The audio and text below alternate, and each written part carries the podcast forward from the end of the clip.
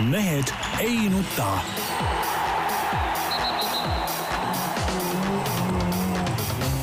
mehed ei nuta. selle eest, et mehed ei nutaks, kannab hoolt Unibet, mängijatelt mängijatele. tere teisipäeva, Mehed ei nuta eetris nagu igal teisipäeval ikka. Tarmo Paju Delfist, tervist! Peep Pahv Delfist ja Eesti Pä- Päevalehest. tervist! Jaan Martinson Delfist, Eesti Päevalehest ja igalt poolt mujalt ja, ja tegelikult me teeme seda salve, saadet natukene ette, sellepärast et Tarmo on millegipärast äh, otsustanud emigreeruda vähemalt nädalaks või peaaegu jah. vahi, eks ju. no lihtsalt on, mehel ei ole suurt midagi siin teha, mingit erilist rolli pole. lihtsalt saab löterdada nädal aega kuskil, jumal teab kus. jah, täpselt nii ongi. no nii ongi, polegi midagi rääkida. teised teevad tööd, mina nagu löterdan ja noh. elu on lill. No just, lähed suusatama kuhugi või? jah, vastab, vastab ei, tõele. seda mäest alla laskmine, see pole suusatamine, suusatamine on see, kui käid, võtad suusad ja nühid üks kakskümmend kilti murdmaad, see on suusatamine. ja, mäest alla laskmine, sa ütledki, et ma lähen mäest alla laskma, see ei ole suusatamine. ja, ja kusjuures seal on ju lift, füüsilist koormust see ei anna. ei absoluutselt, lifti jõud viib üles, raskusjõud toob alla, eks. sellega ei peakski tegelema. ei absoluutselt. ei, tegeleda võib, aga seda suusatamiseks nimetada ei saa. aa, niipidi, no ma olen ka paar korda käinud mäest alla. nimetage milleks ma olen tahes. käinud ka paar korda mäest alla laskmas, aga ütleme, see ei ole nagu suusatamine. no nii nagu, nii nagu golfiga, mul on täiesti ükskõik, kuidas seda nimetada. sport, suusatamine, mingit vahet ei ole, et on hea. erinevalt äh, seal, kus ma, erinevalt Eestist, kuigi nüüd Eestis tuli ka lumi maha muidugi täna Lund. sujuvalt. lumeks ei nimetada seda kirmet on muidugi, ai, Aruküla kandis ikka täitsa korralik kiht on. no kui korralik. no kümmekond sentimeetrit, tõsi Oh, tõsi, seal, kus, kuhu minek on Itaalia pool Alpides, seal on juba nii-öelda paar meetrit tulnud ja ütleme siis tänase ehk esmaspäeva jooksul meeter sajab veel juurde. aga kuidas sa üldse kodunt välja saad, kui kümme senti lund on, kas see ei olnud nagu looduskatastroof sinna jaoks? ei, ei tundunud jah. on nähtud, on elus lund ikka nähtud rohkem ka. mõnikord televiisoris näitab, kui mõnes kohas tuleb paar senti lund maha, siis on, siis on täielik katastroof. küll aga mulle tundus muidugi siit eile õhtu koju sõites juba. no siis oli päris vali tuul, praegu hommikul nagu tuult ka enam eriti ei olnud, vähemalt meie kandis. no meie pool ikka oli. ja mul on teadupärast kõrge auto kõigutab päris kõvasti seda. Et eh, noh, mina sain nagu sõidetud küll, aga tundus, et mõnede meeste jaoks nagu see tuul on juba selline, et noh, siis peab nagu kolmekümnega sõitma tee peal, tead noh. ja praegu hommikul tööl tulles sama asi, lihtsalt, lihtsalt käkerdatakse eest, et noh, kõige hullem on see, et vist kool hakkas ka Tallinnas pihta. Keilas hakkas kool juba eelmine nädal. noh, ei olnud nagu kuidagi sujuvalt läks, aga Tallinnas täna oli mingi täielik ummik ummik otsa, juba enne linna sisse sõitnud aga kui nüüd tähtsatest asjadest rääkida, olgu selle suusatamise või mäest allalaskmisega, kuidas on? Peep, kas äh, sind võib ka geeniuseks nimetada? Kindlasti. või peab jah, kas sind võib nimetada stabiilseks geeniuseks või ebastabiilseks geeniuseks? vaimselt ebastabiilseks muidugi. ikkagi niipidi jah, et sa, et sa nii kõva mees kui Donald Trump ikkagi ei ole. ei, nii kõva mees ei ole jah. tunnistan ebastabiilsust siiski okei okay., no siis eri- erinevalt Trumpist, kes on ikkagi stabiilne geenius aga Trump vastab midagi kindlasti., kumb teist Vaata, mul ei ole. kumb teist mul ei ole Trumpile mitte midagi vastu panna, olgem ausad noh. Sul on või? ei, minul absoluutselt no, null, me oleme ikka ma me oleme täielik, täielikult küünemustad tema kõrval. Jaan, Jaanist ei ole midagi rääkida.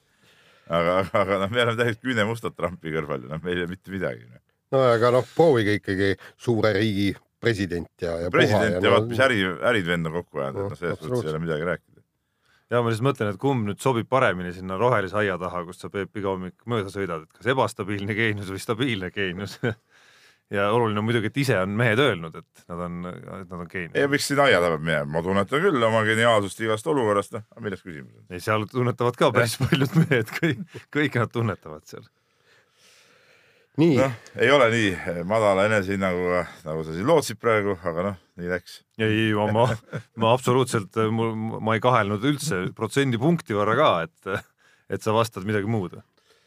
nii, nii, kuule, aga poliitikaminutid on sellega ka lõppenud. no nii palju lisaks, et äh, kuigi me natukene puudutasime siin eelmise aasta esimeses saates või õigemini teises saates teisipäeval, siis äh, see, et isegi pärast meie saadet ehk pärast teist jaanuarit suudeti jätkata veel sellel hümni teemal mingisugust äh, uskumatut arutelu, et see oli meie enda hea kolleeg Alo Raun tõmbas selle üles ja seal see, üks see hea läks, point see oli läks muidugi ikka, päris üle võlli, et minu arust kõige parem kommentaar lõpuks, mis kuskil sotsmeedias ilmus, oli see, et et seoses esimese jaanuariga ehk uue aastanumbriga ja juubeliaasta algusega algas põhimõtteliselt siis Eestis äh, nii-öelda saja aasta juubeliaasta märksõnal sada häda ei no see on rumal jutt, mis sa räägid muidugi, aga minu arust Alo Raud, kes äh, avaldas eile vist oli see või üleeile öö, oma kommentaari, seal oli küll hea point sees, kaotame seal viimase salmi sealt hümni lõpust ära, see on küll õige, see jumala värk, see ajab mind jumala närvi.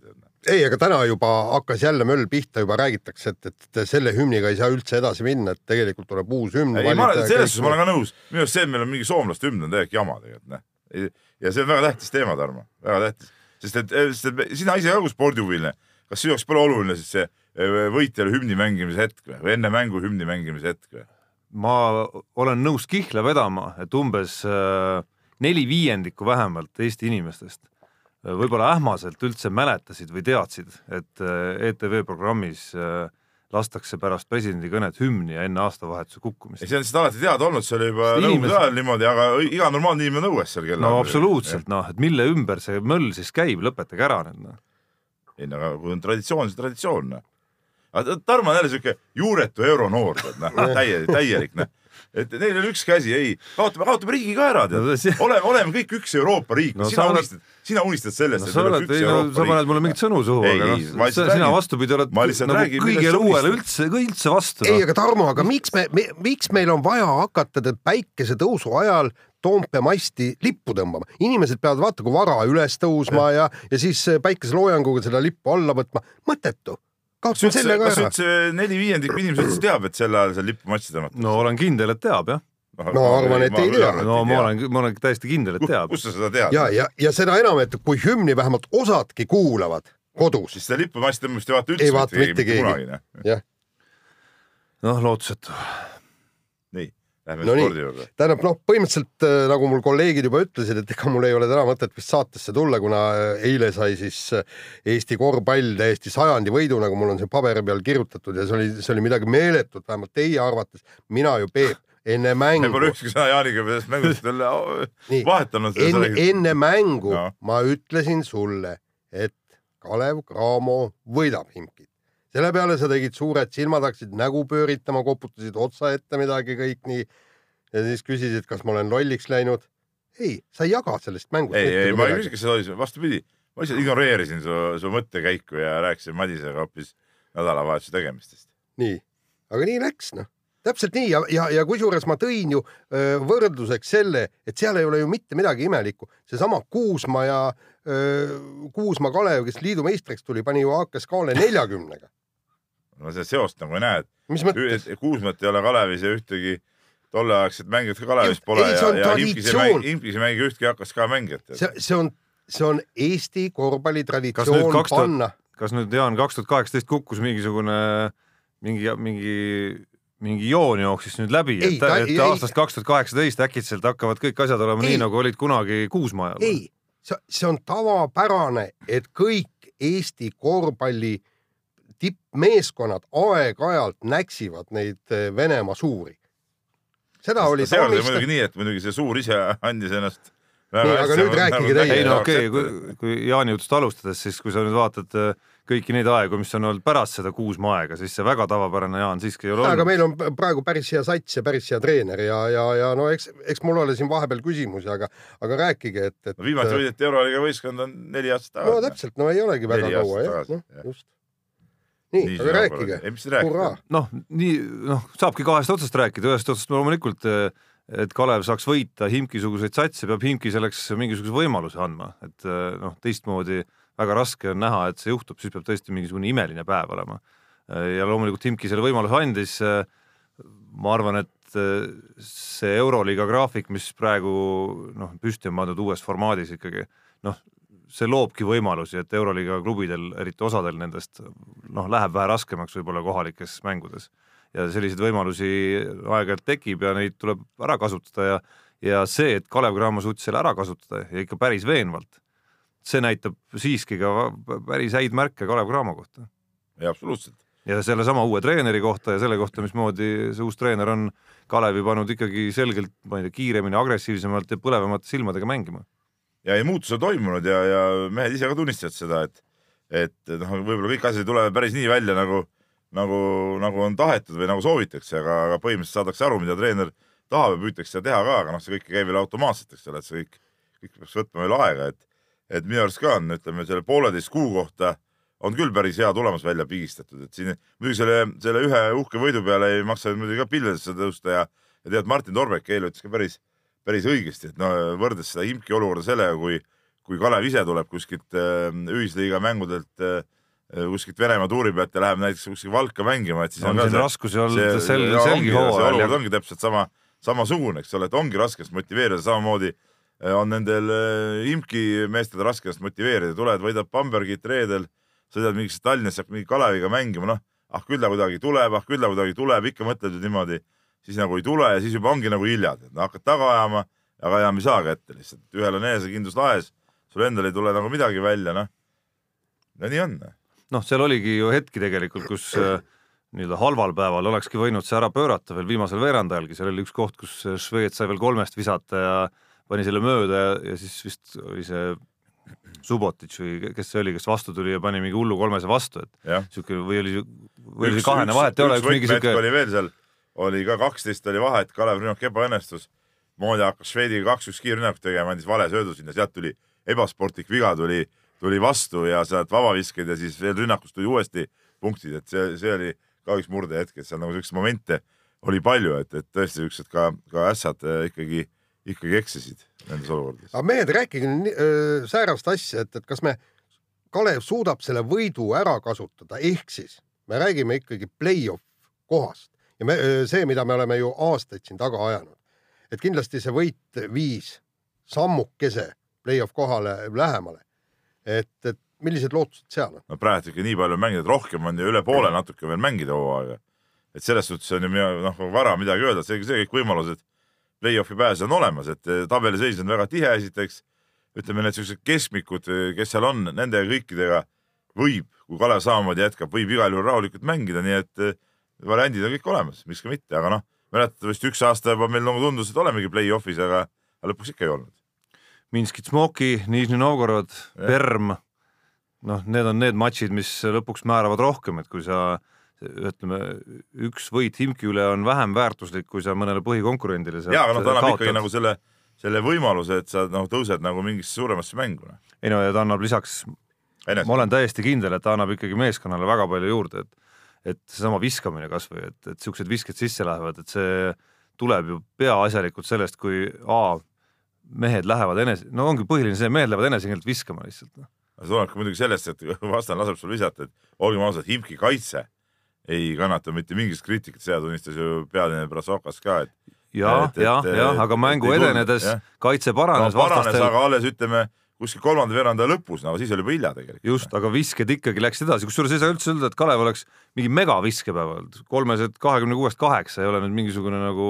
korvi, ei noh, viskepäev, noh korvi alt murdsid ära. ja, ja aga noh, viskepäeva mõttes seal oli nagu varu isegi veel selles mängus. ja, aga ütleme, noh, mina vaatasin just seda, et, et tegelikult just esimesel poolel ka korvi alt, seal oli, kas oli esimesel poolel kas üheksateistkümnes kuusteist või kuueteistkümnes kolmteist või mingi sihuke no täitsa mega. no tulid korvi alla tühjaks mängitud kohad peaasjalikult. jah, seda ma räägingi, et Imki kaitse oli kannatanud mingit kriitikat.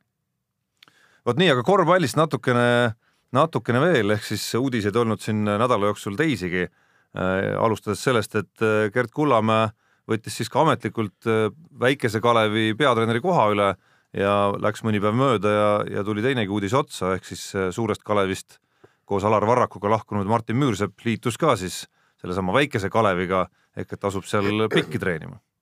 no mitte pikki treenima, vaid üleüldse nagu ikkagi abitreeneri ametisse. abitreeneri ametisse ja, ja Müürsepp ise oli, oli, oli lahkesti nõus Gerd Kullamäele appi minema sinna ja, ja noh, tegelikult nagu mõtted ja plaanid on Kullamäel ju tegelikult eh, täitsa olemas selle võistkonnaga. kuigi me temaga istusime, see oli vist neljapäeval, eh, vaatasime seda noorteturniiri mängu Audenteses ja rääkisime seal tribüüni peal juttu ja siis ma talle ütlesin ka, et, et iga sinu võistkonna võita minu jaoks nagu noahoop südamesse, eks ole, et, et sihuke võistkond, kus, kus nagu mängivad mingid suvalised amatöörid, kui kedagi võidab, siis see näitab nagu Eesti korvpalli kohta nii, nii mõndagi ja, ja meie selle taseme kohta, et see on nagu, see on nagu väga halb, kui te võidate, aga noh. Gert Nat naeris selle peale no, ja, ja, ja lubas, lubas teha hea, hea resultaadi hooaja lõpuks. no ma tahaks loota, et me ei räägi siin ikkagi mingisugusest äh, viiest-kuust mis ajaks on need mehed sinna palgatud ja, või mis ajaks nagu nii-öelda arvestatakse nende ei, meestega. minu teada see plaan on ikka nagu pikem. just, et see plaan on ikkagi pikem ja see plaan vast ei ole ka igavesti mängida sellise koosseisuga. ka seda mitte jah. kui jalgpall räägib, et ta tahab ikkagi liiga teha täisprofessionaalseks. korvpall on ju tegelikult noh, võib öelda ikkagi meie rahvusmäng, et kas tõesti siis, siis korvpall, kus on tegelikult oluliselt vähem mehi vaja palgale võtta. Meie ei saaks ennast täisprofessionaalseks teha, et meil oleks vähemalt noh, ma ei tea, kuus-seitse täisprofessionaalset satsi. ei no eks noh, teoreetiliselt muidugi saaks, aga no kas kas need mä- mängijad näiteks, võtame Tallinna Kalevi, kes seal mängivad, noh, Reimo Tammed, Kaido Saksad, noh, kas nad, kas nad tahavadki üldse täisprofessionaalid olla, nad tahavadki võib-olla muid asju ka elus teha ja nad ei, ei rõhu enam selle korvpalli nii palju, küll aga, aga minu arust, mis ongi asja nagu õige nagu kurvem äh, pool ongi see, et kui äh, niimoodi töö kõrvalt äh, trenni tegevad mehed ikkagi saavad päris häid võite siin Äh, noh, ei tegelikult, tegelikult nad ju pühapäevalgi mängisid äh, Tartus Tartuga jälle nagu võrdne võrdsega seal. et, et see on nagu, no see on nagu halb märk minu arust, see nagu, see nagu ei, ei näita Eesti korvpalli, Eesti liigat Eesti ülejäänud klubisid, kes on nii-öelda nagu, nagu profiklubid, ei näita väga heas valguses. no see on ju kogu aeg nii olnud. ei no on, on muidugi nii olnud, aga nüüd nagu tahaks nagu loota ju, et, et me oleme kuskil arenenud, aga tegelikult tuleb välja, et meie kodune korvpall ei olegi kuhugi arenenud. no minul isiklikult on tunne, et see on noh, nii jalgpalli puhul võib-olla jalgpallis lihtsalt mingisuguse raha jõul on see kuskilt nagu väljast süstitava raha jõul on see, on see nagu mõeldav, aga nii mängijate materjalilt, ma arvan, et tegelikult on utoopia nii võrkpallis, korvpallis äh, kui jalgpallis ja ma ei ole kindel, et kas seda nagu vaja on, et nii nagu kõikide satside kui professionaalsed korvpallurid, noh, ma arvan, et siis me teeme profideks lihtsalt mängumehi, kes no, pole nagu väärt professionaali staatust lihtsalt, kogu lugu noh. no.. mis mõttes pole väärt, mis see tähendab, mis see, milles see, milles see väärtushinnang nagu toimub, sellega ma sinuga no nõus ei ole. seesama, see, selles samas mõttes ei ole väärt, et nad ikkagi ütleme sellistele amatööridele, nagu me Kalevis näeme, ikkagi kaotavad aeg-ajalt noh. ei no siis ei oleks siukest amatööri, sest nad oleks ka profid. noh. ja, ja, nagu ja, ja aga noh, ega tase sellest ei tõuse, sa võid hakata mulle palka maksma, ega ma selles mõttes äh, sellepärast ei hakka nüüd nagu mingist piirist üle, ma ikkagi ei mängi ju oma tasemelt. ei no seda küll, aga võib-olla ikkagi, kui nad on, kui kõik on täisprofid, no siis oleks võib-olla seda, seda trennivärki ja seda ka nagu, nagu rohkem. kuigi näiteks just käisin eelmine nädal kuulamas ka ühte korvpallialast loengus, kus Alar Varrak rääkis eh, CSKA-s käimise kogemusest ja, ja tegelikult näiteks CSKA-s tehakse üldjuhul ainult kord päevas trenni. et ei olegi mingi õudne kaks korda päevas, aga ta ütles ka, et sellist asja saab teha ainult siis, kui sul on eh, mängijad, kes on eh, nooruses nagu nii palju trenni teinud, eks ole, et nad, et eh, need, nad ja võimaldab neid nagu ütleme, tipp eh, siis teha kord päevas, muidugi trennid on muidugi pikemad ja asjad, aga teha nagu kord päevas neid trenne. ma olen väga kahtlev, kas äh, täisprofessionaalne kodune liiga üldse on nagu väga hea asi. muidugi on hea. ma ei ole kindel selles. oli see nüüd viimane või eelviimane LP näiteks, kus oli Jesper Parvest lugu ja muuhulgas seal oli väike kõrvallugu sellest, kus ta siis pidi analüüsima natukene, et miks, miks temast korvpallurina väga suurt asja ei saanud. Ja üks asi, mis ta välja tõi tagantjärele, oligi see, et äh, noore mehena tuli, sai igati korraliku palga peale siinsamas koduses liigas ja, ja nägi seda enda pealt ja ka võib-olla teiste pealt, et, et selline väga kõrgele edasipürgimise mingisugune selline nagu soov kadus ikkagi ära, et selle nimel nagu väga tööd enam ja vaeva ei näinud, et kas peab saama väga hea palga kui peale, sa, aga- kui sa väga lihtsalt ja see toimub, ma arvan, madalamal tasemel ka, kui sa väga lihtsalt mitte eriti he- heal tasemel ja mitte eriti usinale treenijale võib-olla ja andekale tüübile annad mingisuguse Eesti mõistes korraliku palga juba kätte, ma arvan, et tal ei pruugigi olla nagu mingit motivatsiooni nagu sealt edasi pingutada aga. miks, aga miks me tahame, et mis edasi, me tahamegi, et Eesti liiga oleks kõva ju. no kõva on ta siis, kui ta tahab selle palga pealt saada veel, veel suurema palga peale ja siis veel suurema palga peale. kõvadus tekib ikkagi sellest ju.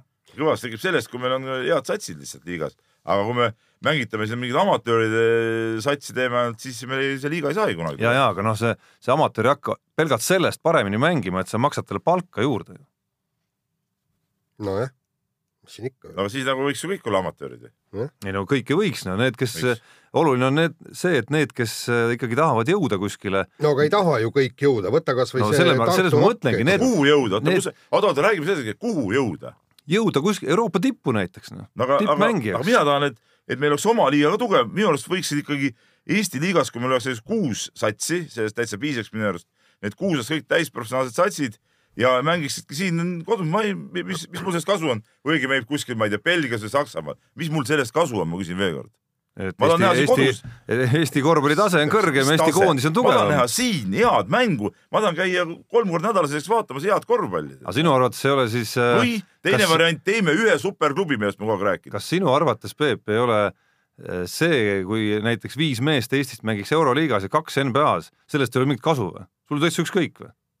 Ei no Euroliigas, see Ei no, Euroliiga on üks asi. ei no Eurokapis või ma ei tea, Saksamaa liigas või Itaalia liigas täiesti ükspuha kõigi meil. see ei anna Eesti korvpallile midagi, Eesti koondisele mitte mulle midagi kui. pealtvaatajale Ei, ei, ei. anna see mitte midagi. räägin Eesti korvpallist ja Eesti koondisest.. paar korda aastas, mul on ka sellest täitsa ükspuha tegelikult. tulevad kokku, mängivad, no ma näen neid korraks, mis mul sellest kasu on? ma mõtlen, mingi Eesti jalgpallurid on kuskil jumal teab kus Skandinaavias, kuskil mingites imeklubides, keegi ei tea, kedagi ei huvitagi, nad seal mängivad. Absoluutselt kedagi ei huvita. Ja me kui- näeme muide kui mind ko- kui kui koondis tuleb kokku, siis imestame, et miks meie koondis nii kehv on.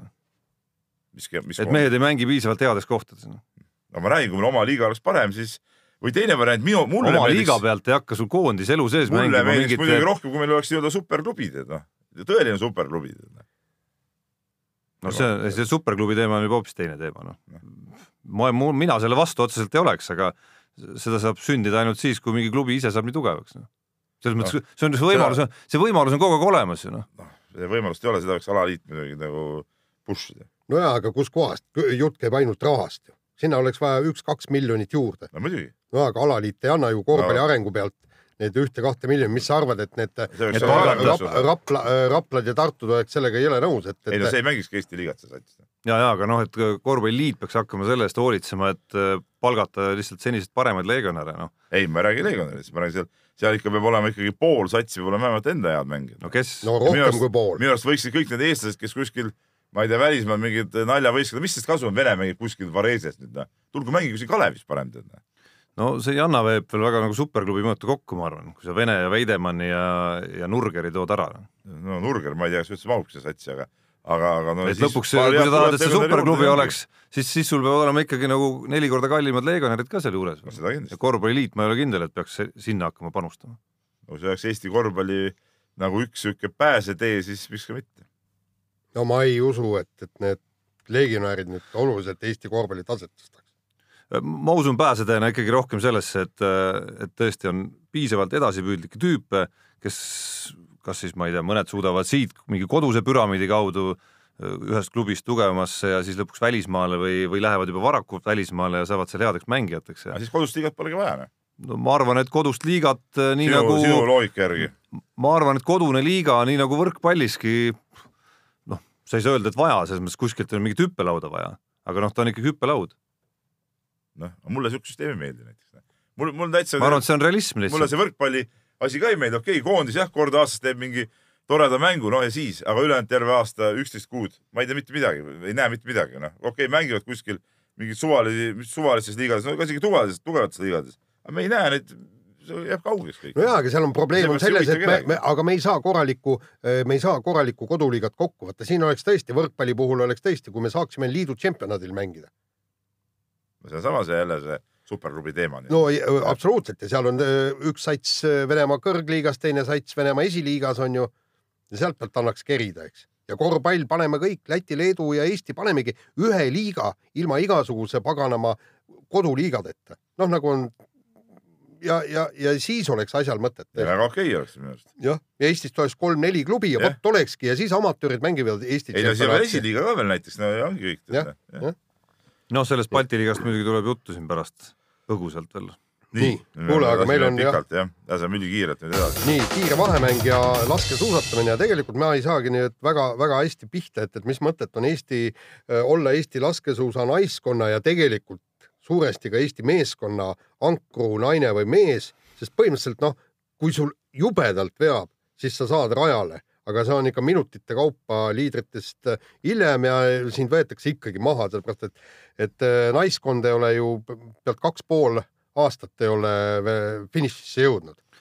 teisalt, kui sa oled sellises vormis nagu viimasel ajal Kadri Lehtla, siis ega sul ei olegi vaja võib-olla minna sinna rajale, ega see, see rajale minek ei anna mitte midagi, et sa paned nagu põhimõtteliselt peaksid panema nagu nii-öelda tugevuse järjekorras. Mehe või mehed või naised sõitma lihtsalt. okei okay,, meeste puhul see mitte lõpuni jõudmine on pigem olnud erand ikkagi viimastel aastatel ka, aga naiste puhul eriti, et sa panedki tugevuse järjekorras, kes on kõige kõvem, saab igal juhul sõita, paned esimesse, järgmisel paned teise ja nii edasi. ei no mehed isegi jõuavad lõpuni, see on ikka nii kaugel, et selles pole mingit vahet, kas jõuad lõpuni. sel aastal ühe korraliku teatesõidu teinud ikkagi. nojaa, aga te, te, teisalt jällegi, tead sõit, said esikolmikusse või? kuule, aga saad aru? Ei saa- ei saanud. panidki tähele, me ei pannud kumbki tähele, et Eesti esikolmikusse saanud vahepeal. on või? ma saan mõtlesin, et tegi mehed on teinud ju korralikult aa, teatri. okei. peab üle vaatama tulema ja et korralik on ainult esikolmik. aga mis siis veel on? medalad maksavad Eesti-suguse satsi jaoks ma usun, on, on ka muid kohti, mis on korralik. kaheksas või? no võib ka kaheksas olla see, see ei maksa mitte ei no midagi. olümpial ei maksa võib-olla mitte midagi, aga, olümpial maksab. Aga ütleme meie taseme kohta okei okay sõit. nojah, aga selles mingit midagi, mingit tundeid ei tekita kelleski. ei no aga, aga seal ju ongi põhimõtteliselt sa lähed nagu sinna etapile kohale, no ma ei tea, saad võib-olla mingi sõidu, nii paneme nüüd teate, teate naiskonna, meeskonna, nii esimene, teine, kolmas ja vaatad neljas vahetus. oo joo ma joo, ei ole mõtet soojagi minna tegema. aga noh, tulles algusele tagasi, Ma ma ei ole kindel ma, ei ole kindel, et Kadri Lehtla üldse noh, sellises vormis, nagu ta praegu on, ma arvan, et ta ei ole eriti õnnetu ka selle üle, et ta ei jõudnud oma vahetust ma, arvan, ma arvan niimoodi, et need naiste neljas vahetus, nii nagu vanasti see Toomiste ja Jurkatan, vaata istusid eh, Kalevi pingil niimoodi, et see, ma ei tea, ülikond oli, oli dressi all või polnud üldse mitte midagi. siis ma arvan, et need neljanda osa need naised ei pane seda kombekatki selga. teevad mingi kihlve ja jah, no nii, teevad mingi kihlve enne, et et siis oleks ilge jama majas, kui, kui juhtumisi ikkagi, no eile oli päris lähedal siiski, et et oleks jõutud lõpuni, kui see ütleme, Grete Kaim oleks trahviringist pääsenud teisest tiirust, siis ei saa välistada, et Oleks., et Kadri Lehtla oleks ikkagi saanud või pidanud lõpuni sõitma, ükskõik mis väljendit kasutada. paraku oldi oma tavalisel tasemel. nii, aga noh, kaks esimest vahetust said ju sõita ja olid tublid, aga noh, Peebu mõistis muidugi mitte. järgmine teema, Pavel Maarin, Levadia ääreründaja, Pavel Maarin, FCI Levadia ääreründaja eile poiss muidu. väga hea, on öelnud, kui oleksin Martin Reim, ei oleks mina küll ennast koondisse kutsunud. väga aus ütlemine. kui, kui inimene teab, ja tunneb oma, oma hetkeseisu. seda on koondises varemgi olnud tegelikult. Seal koondise piiri peal nii-öelda. ja põhimõtteliselt, kui ta, kui ta tunnetab, eks, et, et ma ei ole praegu kas see selles vormis või sel tasemel, siis, siis väga aus ütlemine ja tegelikult noh, kuivõrd palju meil nii ausaid sportlasi on. Ju järelikult oli ta nendest, kes saadaval oli ikkagi parem. noh, parem Jaa, ikkagi ei, mingitest meestest, eks ta noh. läks ju sinna mängima, Jah. mängis, eks, aga, aga, aga vend ütles kenasti ära. kuulge, olemuselt oli muidugi see eh, jalgpallilahing oli ikka nagu mõttetu. aga sellest me veel jõuame no rääkida me jõuame rääkida sellest jah. nii, aga lähme edasi ja mis siis toimub, siin rääkisime Balti liigast ja, ja tore värk korvpallis, aga, aga Brenai meeskond, kes siis palkas endale kurikuulsad vennad eh, poolid, otsustas Balti liigast loobuda, et teha siis eh, nende vennakestega mingisugune kummalise võitu turnee nagu Leedu esiliiga klubidega, nii et noh, see näitab muidugi praeguse Balti liiga nii-öelda maine ja, ja prestiiži ka ära No. tervikuna muidugi see, mis, mis toimub nende vendade poolde ümber, see on naljanumber ma olen ühte videot näinud, kui üks nendest poistest, ma ei mäleta, kumb nendest oli, viskas mingisugune peaaegu sada punkti. kui ta käinud kordagi üle keskjoone kaitseski või? mis, mis, korvpallist me räägime? Ei no kõik see tsirkus ongi, ongi täiesti naljanumber. Balti liiga koha pealt noh, alustades ma ei ole kindel, kas on mõtet nende Leedu klubidega üldse mingit asja ajada seal Balti liigas enam, et noh, seal on ilmselgelt motivatsioon selle Balti liiga jaoks ja huvi Balti liiga vastu no ikka nagu eriti madal. ma ei tea, mängiks lätlastega koos ja olekski kogu lugu no.. jah, nii nagu võrkpallis see ühisliiga. ja, ja teine ja teine küsimus, need poolid, noh, see on nagu, see on ikka päris uskumatu.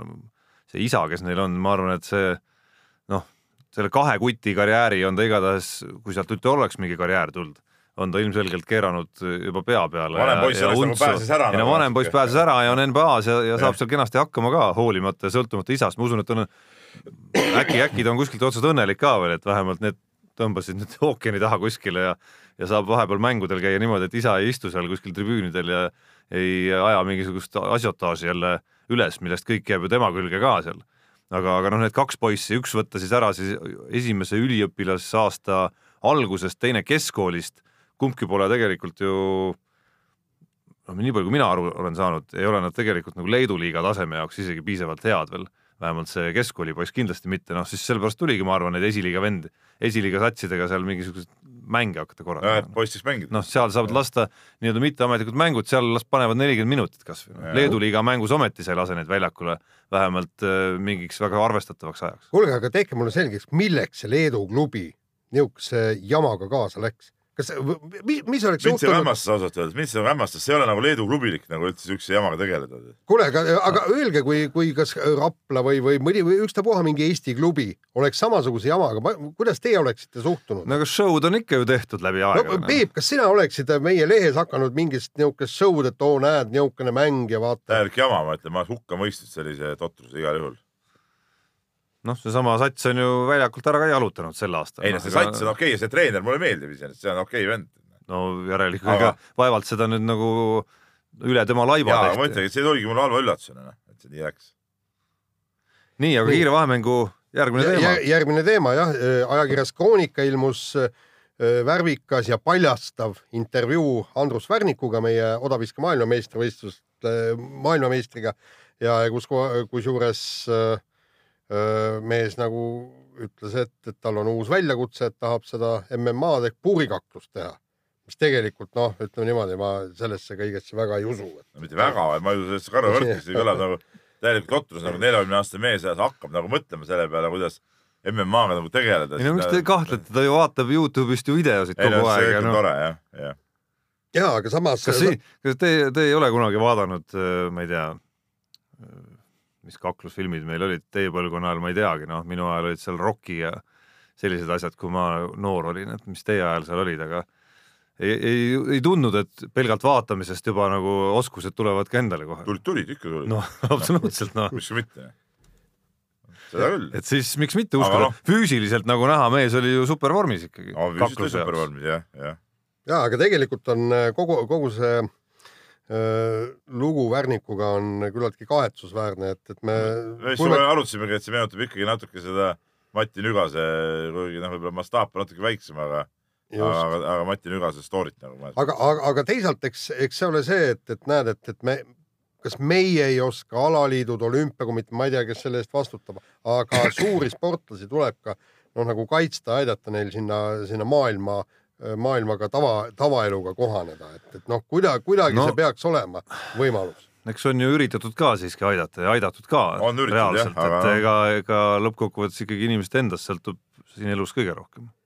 aga noh, teistpidi võiks ju positiivse poolt, poole pealt vaadata, et äh, mingis mõttes on Andrus Värnik oma eluga ikkagi nagu saanud joone peale ja, ja see juba, et ta on füüsiliselt heas vormis, on ka, ma arvan, väga hea märk.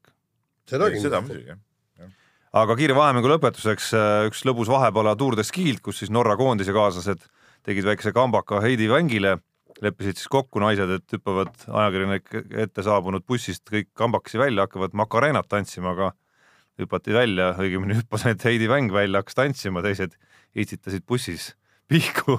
see oli natuke sarnane, natuke sarnane olukord, kui siin juba see Kalevi aegade meenutamine oli, siis siis ühe mängijaga ma tean, kunagi tehti samasugune asi, et äh, togiti sinna nüüd küll, kuule, et Salumets tahab su väljaku saata, mine, mine nüüd, noh. ja siis mees läks. ma nüüd ei mäleta, kes see oli ainult, kes see saadet seal niimoodi, oli see, oli see Saksa kulm või oli, no keegi oli igatahes. Ahah. igatahes Toomiste oli kindlasti naljategija poole peal. ja, ja siis Salumets vaatas, et oot-oot-oot, kuhu sa lähed. aga noh, Veng muidugi maksis lõpuks kätte kõik eile Tour de Ski lõputõusul, näitas tagasi, tagatulesid, nii et ei olnud küsimust ka. no äkki huumor käib asja juurde. ja aga tegelikult, kui ma vaatan, noh, ütleme see nii-öelda naljaklipp ja, ja, ja teine asi, kui ma Dario Colonjast, kes nüüd Tour de Ski võitis neljandat korda, kui ma vaatasin, kuidas Norra televisioon oli temaga, temast teinud niisuguse lõbusa video, kus ta oli siis Super Marioks, selle arvutimängu kangelaseks kehastunud ja tegi seal igasugust tsirkust mööda oma kodulinna ja kõike see, siis ma hakkangi vaatama, et tegelikult ega, ega meie sportlased on ka kuidagi niisugused parajalt tuimad, et niisugust korralikku action'it, kas sa mäletad, millal meil oleks mõni niisugune tõesti niisugune lahe action olnud? midagi lahet oleks tehtud. Jah, just täpselt. ei mäleta, no vot, ei mäleta. ja siis imestatakse, et, et, et, et kuidas ei tunta nagu publik ei tunne Novosjolovit. noh. Ei no ongi üks asi see, siis kui ja kui eh, siis vahel pahandatakse kogu aeg, et hakkavad mingid nagu natuke siukseid naljateemasid vahest eh, välja ajama, et noh, siis sul võib olla tusine värk, mis te jamate siin. et ma, ma vaatan, et siin teemades no Tänakuga oli ju ka naljavärk seal. mingid Toyota Fordi naljad seal hotellitoas või kus nad olid seal. ja no jah, absoluutselt ja no see, ütleme niimoodi, tipptiimid teevad, aga ma mõtlen nagu just see, sportlaste nagu tehtud. just, aga et Eesti sportlased teevad niisugust ja kusjuures ma vaatan, et siin vist äh, Rapla. Rapla on üritanud näiteks siin mingi marsinaljad ja mis asjad siin olid, mäletate? ei mäleta. ei, midagi oli jah. Tartustega, kui nendel oli see Milka ja Vander Maars, jah, jah. see natuke oli, aga jälle eestlased polnud ju mängus, jälle legionärid. ei no eestlaste välja mõeldud asi, no No selles jaa, mõttes, et okei. kes mõtleb nagu seal turunduskategooriates, okei okay,, suusatajad muidugi seal, ma arvan, naissuusatajad kindlasti ei olnud need, kes, kes nagu sellepärast seda mõtlesid, nemad te- tegid lihtsalt tünga. no seda mõtledki, et noh, mingisugust pullivärki. Ja ma vaatan teemade hulgas meil siin suusatamist ei ole, aga noh, tuleks ikkagi kiita vähemalt Tammjärve, kes jällegi maailma mõistes ei saanud mitte millegagi hakkama, aga, aga enda kohta tegi jällegi hea tulemuse. Enda kohta. no mis see maksab, mitte midagi ei maksa. no Tour de Ski kahekümne neljas no koht. siis, no kohe, kui Jaan ütles kaks esimest, vähemalt aga poiss mis jääb, siis? ei no aga poiss läheb vähemalt rahuliku südamega magama, vähemalt parem tulemus, kui Ei, et ta oleks viiekümnes olnud. ei, ma saan aru, temal endal isiklikus plaanis küll väga hea. Kui ma mõnikord tead õhtul lähen kõnnin tund aega, lähen ka rahuliku südamega magama, mis siis? ei no see, see ongi see ongi täpselt sama. see ongi jah, täpselt sama. nii, noh, ma usun, et, et Karel Tammjärv on oma alal maailma tipule veeb lähemal kui sina kõndimises. Ei, no mis siis, noh? õhtusest kõndimises ei, siiski oluliselt, oluliselt lähemal. no on aga laias pildis keegi ei tea, kes see oli, kes oli eelmine aasta Tour de Ski'l, kahekümne kolmas, ma küsin su käest. ei, ma ei tea. noh, aga kas ma pean teadma? aga siis ei ole mingit vahet ju kokkuvõttes ju. ma jälgisin Peebu nägu justkui ma, kohe kui ma sain aru, et Jaan, mida Jaan ütlema hakkab, siis ma jälgisin lihtsalt, kuidas hakkasid juba näolihased tõmblema seal juba poole lause peal. nojah, aga, aga ei ole mingit vahet ju kokkuvõttes. noh. noh, sinu kes, jaoks, sinu jaoks sinu, oli? sinu jaoks, Peep, ei ole vahet. kes Tour de Ski'l kuues oli? Ei tea. kes see aasta kuues oli? ei tea. no vot, selle on kõik öeldud. Sind ei huvita sport või? kes oli kuues siis? ma ei tea. sind ei huvita Ei, aga te- ei, ma eile ülekannet vaatasin küll, aga, ei, aga tegin muud tööd Tarmo, samal ajal Tarmo, tegelikult ongi see, nagu jalgratturid ütlevad, ainult võit maksab võit maksab jah. ja, ja, ja täpselt samamoodi.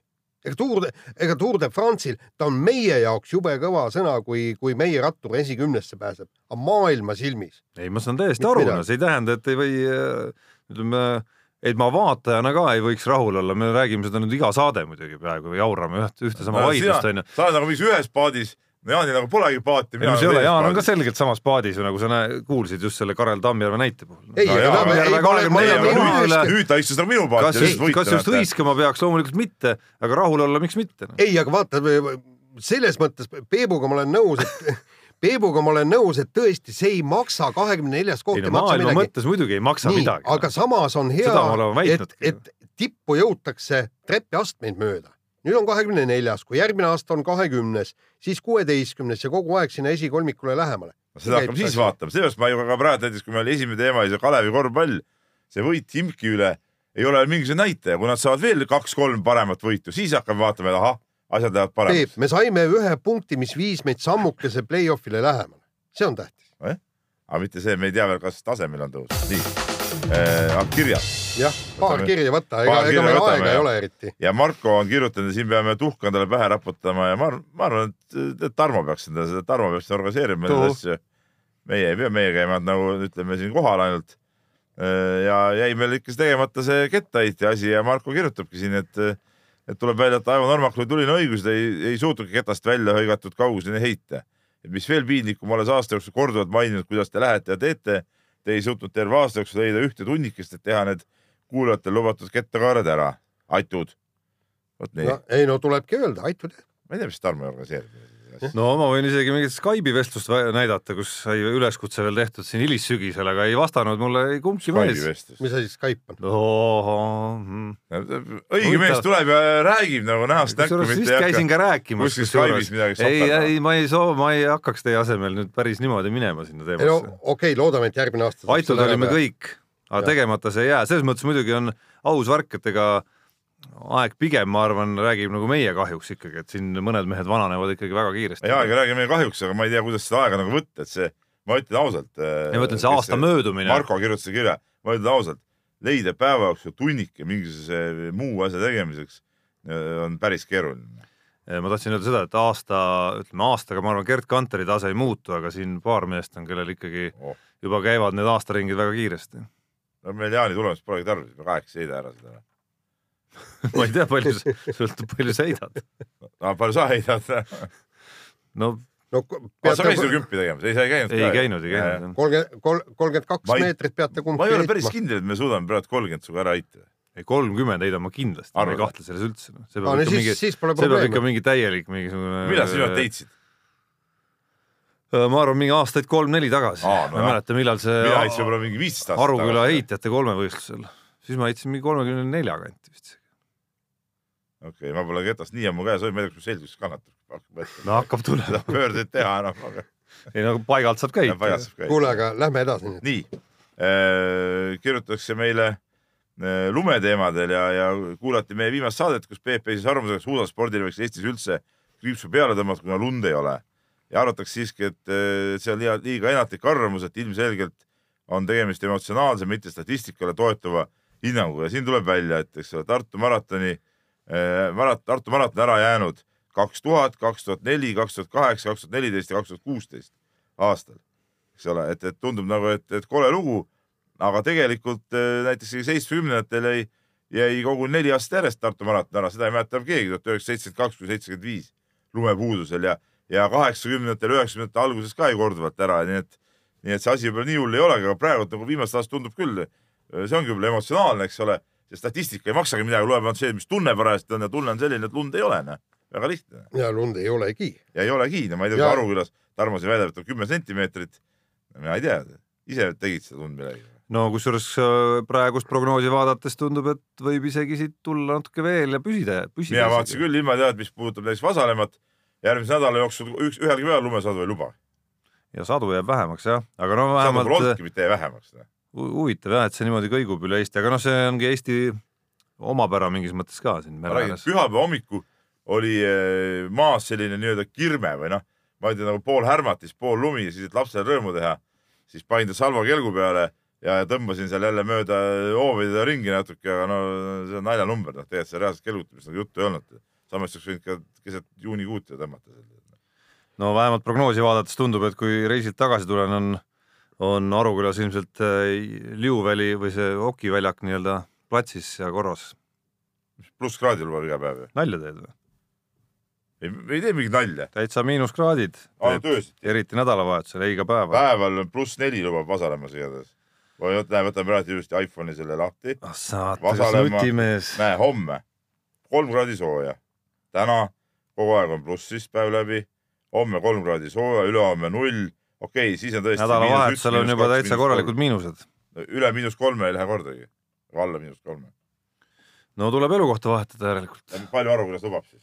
nädalavahetusel ma näen siin isegi öösel miinus kümmet, aga noh, nädalavahetus on kaugel muidugi. jõuab ära muutuda. nii, kuule, lähme teemade lähme, juurde. lähme nüüd teemade juurde ja räägime tennisest, naiste tennisest ja, ja tuleb tõsiselt küsida, et mis on lahti Anett Kontaveidiga.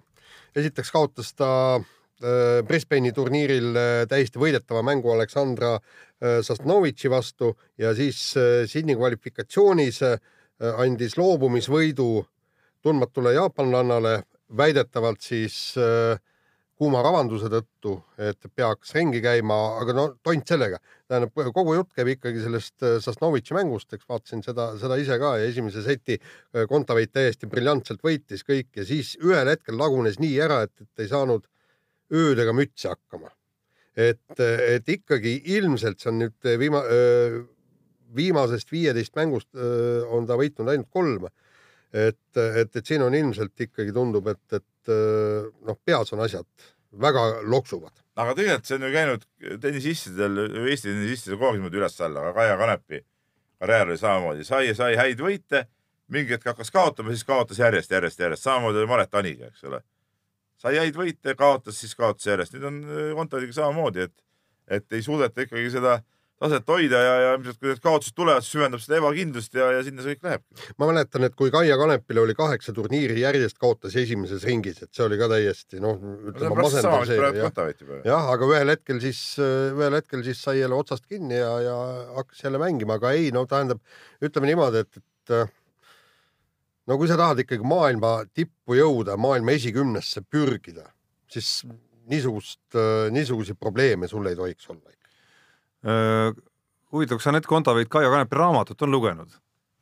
et mingil määral ju noh, ütleme selliseid võib-olla nagu toitumisprobleeme ka Anett Kontaveidil minu teada ei ole ja ja, ja mingid teemad võib-olla veel ei puuduta teda sellest raamatust, aga ütleme siis mingis vanuses, just sarnases vanuses selliste ootustega, nii iseenda pandud ootustega kui kui kindlasti ma arvan, Eesti mõistes ka väljast tulevate ootustega toimetulemine oli seal ikkagi täiesti teemana ju olemas ikkagi. et ei olnud Kaia Kanepil täpselt samamoodi väga lihtne nendega.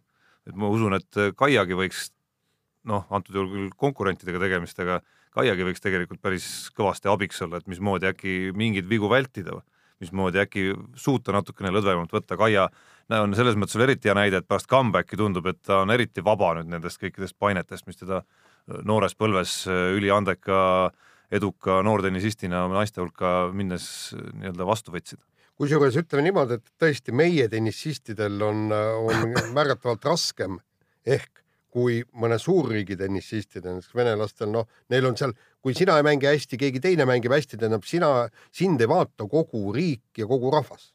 aga nii Kontaveitu, Kanepi, noh, nagu me oma nii-öelda vaatajanumbritest teame, neile elatakse ikkagi massiivselt kaasa ja, ja nagu Kanep tõesti kirjutas ka oma raamatus, et, et jube pinge oli see, et, et kui sa oled noh, kogu Eesti rahva lootus jah, nii on ja ma arvan, mitte ainult tennises nii, vaid, vaid ükskõik mis alal pistab, populaarsemal alal pistab keegi nii-öelda pea natukene üles, teeb juba mõned head turniirid Kontaveidi puhul, siis teeb aasta või pool aastat, mis tõstab ta aasta lõikes juba sinna kuskile maailma neljakümne parema hulka ja, ja noh, tohutu hurraa tegelikult on juba taustal, no tähelepanu on juba väga suur, sest, sest meil ei ole lihtsalt eriti palju paremaid sportlasi. kokkuvõttes me ei tea, võib-olla Kontaveidi tasemel lagi ongi see kolmekümnes koht näiteks. ei tahaks uskuda, seda mängu vaatad. mille põhjal sa ütlesid, sa ei taha seda uskuda? ei, oota, vaata.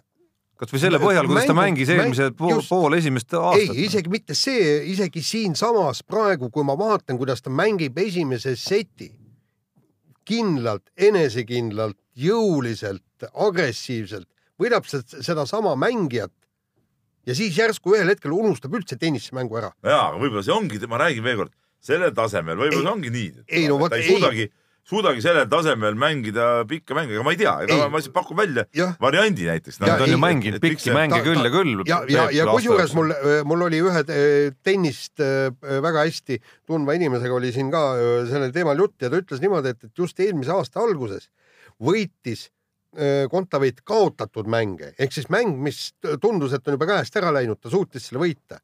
nüüd kaotab võit, võidetud mänge. ehk kui sa vaatad, et, et sa mängi oma mängu, ära mitte midagi muud tee. täiesti rahulikult sedasama mängu, mida sa esimeses setis mängisid, mängi nii ja sa võidad. nojah, tahaks loota, et saab, saab üle sellest, aga noh, ütleme. ei no ühel hetkel ta saab kindlasti, aga, aga ainuke lootus on see, et, et võimalikult kiirelt see juhtuks aga vahetame teemat, Eesti käsipallikoondise jaoks sai maailmameistrivõistluste valikturniir läbi ja lõppes ikkagi põrumisega või võib nii öelda no,? see, see viimane mäng Šveitsiga oli küsimus, ikka nagu väga selge. küsimus sinu poolt on praegu kummaline, kas võib nii öelda? see oli totaalne praval, nagu öeldakse. jah, absoluutselt. et, et äh, siin ei olnud midagi rääkida, kui mis sa kaheksateistkümnene kaotasid eile või? no see saame aja jalgpallis umbes null kümme tegelikult. või, või kostus mingi neljakümnene pakk ütleme niimoodi, et no, okei okay,, jalgpallis null viis. ei no koledaks läks kätte, no. no koledaks läks kätte ja, ja tegelikult ikkagi minu arust käsipallikoondise ümber on alati üks kummaline asi olnud. tegelikult meil on ju mängijad olemas, mängijad on kogu aeg olnud olemas, kes kõik see Tarmo kiidetud välisklubides, heades kohtades mängivad. jõle tore on, eks ole. võiks tulla koondis kokku ja panna päris kõrgetasemelist mängu, aga midagi no, nagu ei, ei ole seda jah, ei ole seda juhtunud. ei ole seda juhtunud ja kõik need superstaarid, kes tõesti seal noh, Mait Patrik paneb Saksamaa liigas seal vägevalt, eks ole Jaanimaa, kõik ja noh, teised mehed ka heades liigades möllavad. no koondises ei tule välja niimoodi asjad noh. Te,. tead, ma lugesin natuke neid kommentaare ka ja, ja ausalt öeldes publik on üsna pahane meie käsipallurite öö, kohta ja, ja seal ikka öeldi, et kuulge mehed, kui te ei taha koondises täiega panna ja täiega mängida, siis ärge kurat tulge, las lähevad platsile need, kes tahavad ja kohati ikkagi tundi, tundus just eil, eilses mängus see, et, et ühel hetkel lihtsalt lasti käed lõdvaks ja, ja, ja, ja põhimõtteliselt lihtsalt lõpetati see korralik tõsine, tõsine mängimine ära. teine asi oli see, eks, et kui, kui sa vaatad seda mängu, no võta nüüd, eile vaatasime siin kolleegidega se seitsme meetri karistusvisked. kui sa viskad vastu väravavahi tugijalga, see vastu seda jalga, mis on väravahil maas, mis ei tõuse ei paremale ega vasakule.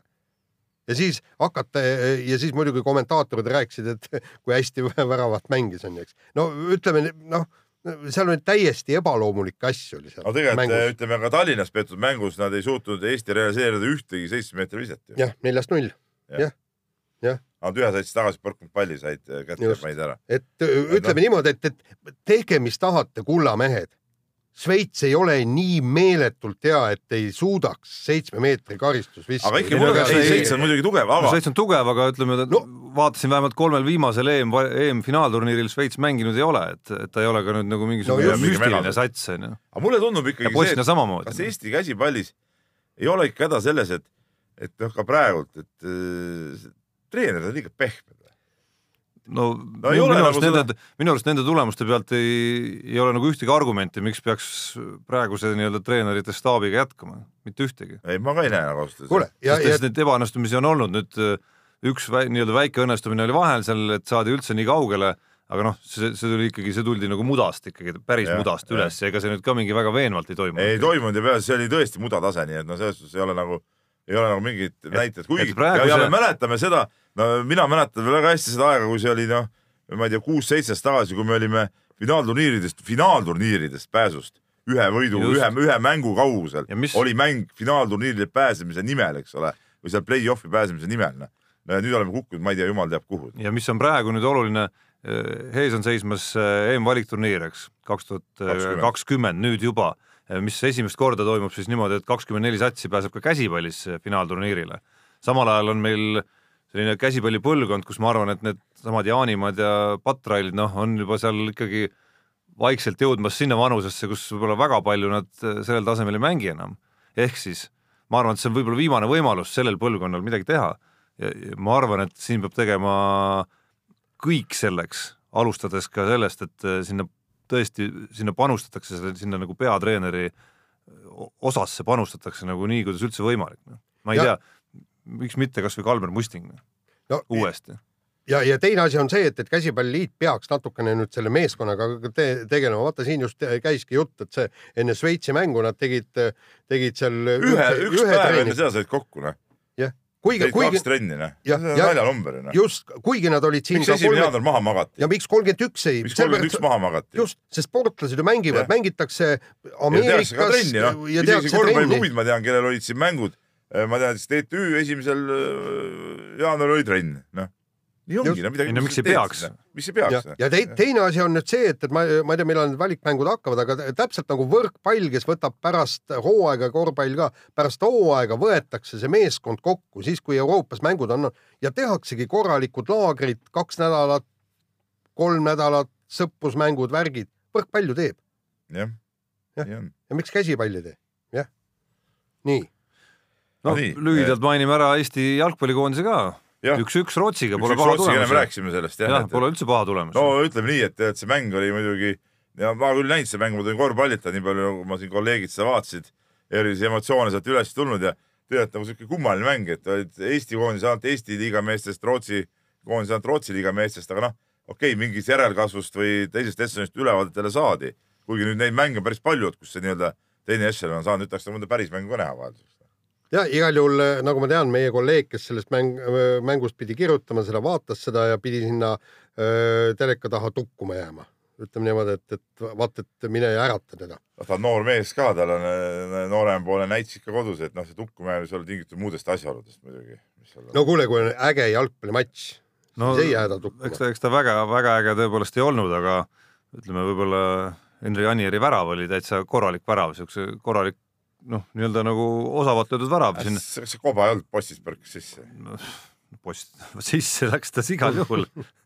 et äh, üks, mis mul kõrva jäi, oli muidugi mängujärgsed kommentaarid ja, ja, ja episoodiliselt vaadates ka see, mida Martin Reim rääkis sellest, kuidas ikkagi nagu põhiline vahe justkui ei olnudki nagu nii-öelda mingis tehnikas või, või taktikas, vaid, vaid mängijate Eesti liiga versus Rootsi liiga mängijate nagu füüsilises ikkagi. A kiirustes ja B nagu sellises nagu jõusaali nagu tugevuses vaata, vaata Tarmo, et vaata siit selliste, tulebki nüüd et selli-, välja. et nii-öelda need olukorrad, kus ikkagi reaalselt suruti lihtsalt ära nagu füüsisega meie mängijaid ja võideldi neid kahevõitlusi just nimelt nagu füüsisega. aga mis sa tahad saada, vaata. sa ju tahad, et meil oleks kõik amatöörid ja pallimängualadel ja trenni ei tehtaks ja siis ei ole, siis ei ole füüsist ka ju. sealt tulebki see vahe, ühed on profid, Rootsis on ju täisprofid need, eks ole, teevad trenni kogu aeg, on tugevad ka tead. aga meil on siin mingid, olid seal mingid Paide linnameeskonna ja ma ei tea, kelle mängijad veel, kes võib-olla ei ole täisprofid. ja aga Peep, arvesta, see jõud pannakse ju juba noorteklassis no meestele jõudnud sisse pärast. kõik arendada ja ei no pärast küll, aga süsteemselt tuleb alustada juba Ei, noorteklassis seda. küll, sellega ma olen nõus. nii, nii, ah,. ja noorteklassi juurde hüppamegi.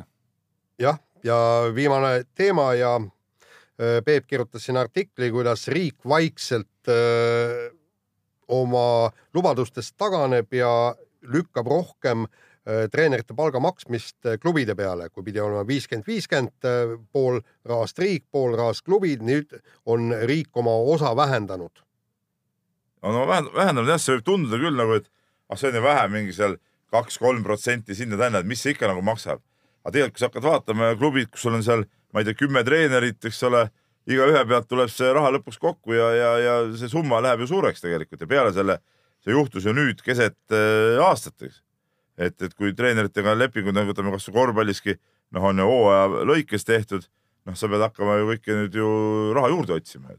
Just seda sa oled ju arvestanud ju viiskümmend, viiskümmend seda ja lisaks no, hea on rääkida riigile, et oh, me tõstame treenerite palgad nüüd sellele levelile, eks ole, aga seda ei räägi keegi, et tegelikult peavad ju klubid seda tegema, ega riigi, riigi roll selles tõstmises on ju noh, väiksem tegelikult, et suurem osa peavad ikkagi klubid ise juurde leidma, aga seda nagu Jaak Karpki ütles, eks ole, et, et kus, kus see raha äh, klubidel tuleb ja kust see võetakse, seda ju, ju keegi ei räägi tegelikult. ja kusjuures minu jaoks on äh, see teema väga oluline ja minu meelest on see täiesti absurd, et me, me räägime siin ju tegelikult, ega äh, selleks, et, et maksta viiskümmend protsenti, selleks ei ole ju kümneid miljoneid vaja, eks. sellega ei ole vaja kirikuid välja osta, eks. ja riik kogu aeg räägib, et, et äh, lapsed ei liigu piisavalt ja nii ja naa ja siis see spordiametnik Toomas äh, Tõniste ütleb, et noh, et, et kui vapp ei saa, siis vähendage treeningkoormust, ehk Jah. siis äh, viige vähem trenne läbi. meie lapsed see liiguvad kõige, vähem. kõige, kõige hullem lause, mis nagu seal üldse Jah. öeldi, no see on täiesti ebareaalne tegelikult. No ja seda veel tegelikult äh, mitte mingisuguse, ütleme siis mingi kultuuriministeeriumi ametniku suust, mingi siukse kauge ametniku suust, vaid ikkagi nagu mees, mees, kes on ise vana spordimees ja peaks teadma, kuidas asjad käivad. no kes on ikkagi nagu nii spordi sees, kui üldse olla võib. on ju nii? on, on muidugi noh, et selles suhtes see on nagu, see on nagu kummaline suhtumine. ja teine, ja teine asi, me räägime siin ikkagi ju, siin räägitakse praegu sellest, et, et see tasu oleks kaheksasada viiskümmend eurot kuus. kaheksasada viiskümmend eurot kuus. Mis on masendavalt väike mis on masendavalt väike muidugi noh, aga nii on, okei okay,, suured klubid saavad seda lubada, aga, aga mida, mida väiksem klubi, seda keerulisem on seda, seda kõike teha ja, ja, Et ja minu arust, minu arust, mis mind käib kõige rohkem närvi, see, et riik ja kultuuriministeerium toovad rusikaga vastu rinda, et me tõstsime palku, me tõstsime treenerite palku sellel tasemel, mida te tõstsite? no see ma räägin, et klubid ise peavad ju selle raha leidma, nemad ei tõsta ju, riik ei tõsta sinna midagi, no okei okay,, annavad selle oma osa, mille nad saavad pärast maksta seda tagasi. no, no okei okay,, ühest küljest jaa, on positiivne, et nad on rohkem hakanud andma. aga klubi peab sama palju juurde panema, muidu nad ei anna seda just, raha, just.. selles on see point ju noh, et see riik ei tõsta. aga teisest küljest see, mis on nüüd nagu juurde tekkinud, see peaks olema nagu mingisugune vahetrepiaste selleni, kuhu nagu peaks jõutama. ehk siis selleni välja, et see summa A ei oleks kaheksasada viiskümmend eurot, vaid oleks loomulikult suurem. noh, kasvõi nagu õpetajatel või, või ma ei tea, noh, kui ta on õpetajad. selles suhtes Jaak Karp tõi jälle minu arust hea näite, et, et, et kogu aeg räägitakse, et ärge kultuuri ja sporti vastandage, aga Karp tõi hea näite, et, et ta küll ei tea, et muusikakooli direktor käiks öö, poolt või rohkem kui poolt palgaraha kuskilt sponsoritelt välja lunimas nendele muusikakooli õpetajatele. aga nii ongi ju, on, on. nii ongi ju ja, ja, ja needsamad treenerid on nagu mingid suvalised tondid nagu nende, nende kunstikooli ja muusikakooli õpetajate kõrval, noh. ja, ja minu meelest peaks ju tegema tegelikult seesama Kultuuriministeeriumi riik peaks öö, treenerid kokku võtma, noh, mitte kõik, aga treenerite esindajad kokku võtma ja küsima, mida meie saaksime teha selleks, et teie panete lapsed liikuma kaks korda rohkem, poolteist korda rohkem, mida meie nüüd saame teha? ja siis treenerid panevad plaani paika, vot meil on vaja seda, teist, kolmandat, neljandat, selge, tagame, sest eesmärk on see, et meie lapsed liiguks ja vähem rasvuks. nii no,, see oli ka niipidi, peab see oli olema ka, EOK presidendi suur lubadus, kui ma õigesti mäletan. et niipidi peab see No asi käima see pidi põhiasi olema, see pidi põhiasi olema, mis juhtuma hakkab nüüd ikkagi Jah.. ja niipidi peab see asi olema, mitte see, et treenerid teevad trenni ja lunivad riigi käest pappi, et äkki me saaks kuidagi ellu jääda, vaid riik peab lunima treenerite käest. palun tehke tööd, meie maksame mitte, selle kinni. vähem tööd, just, olge vuntsid, et siis me peame teile vähe, ei pea nii palju maksma naljavärk, vot nii. nii, aga tundub, sellega, tundub tagantjärele ikkagi kui see presidendi juurde naasta veel korra, et et sel hetkel, kui, kui see valitud sai ja need vaidlused käisid kõik ja millega seal, mis argumendid seal ühel pool olid, ühel pool nii-öelda poliitik ja teisel pool suur ärimees, et et Urmas Sõõrumaa mõjukus on ikkagi olnud ülehinnatud. seda näitasid ka valimised, teda näitasid ka valimised ja kohalikud valimised, ma mõtlen. jah, absoluutselt jah, ja seda näitab ka see, et, et väga ei toimu nagu liikumist nende asjade suunas, mis prioriteedid olid. nii, aga sellega on meie saade läbi. kuulake meid järgmine teisipäev ja nautige Eestimaa lumeolusid, lumekirmet. kirmet. mehed ei nuta.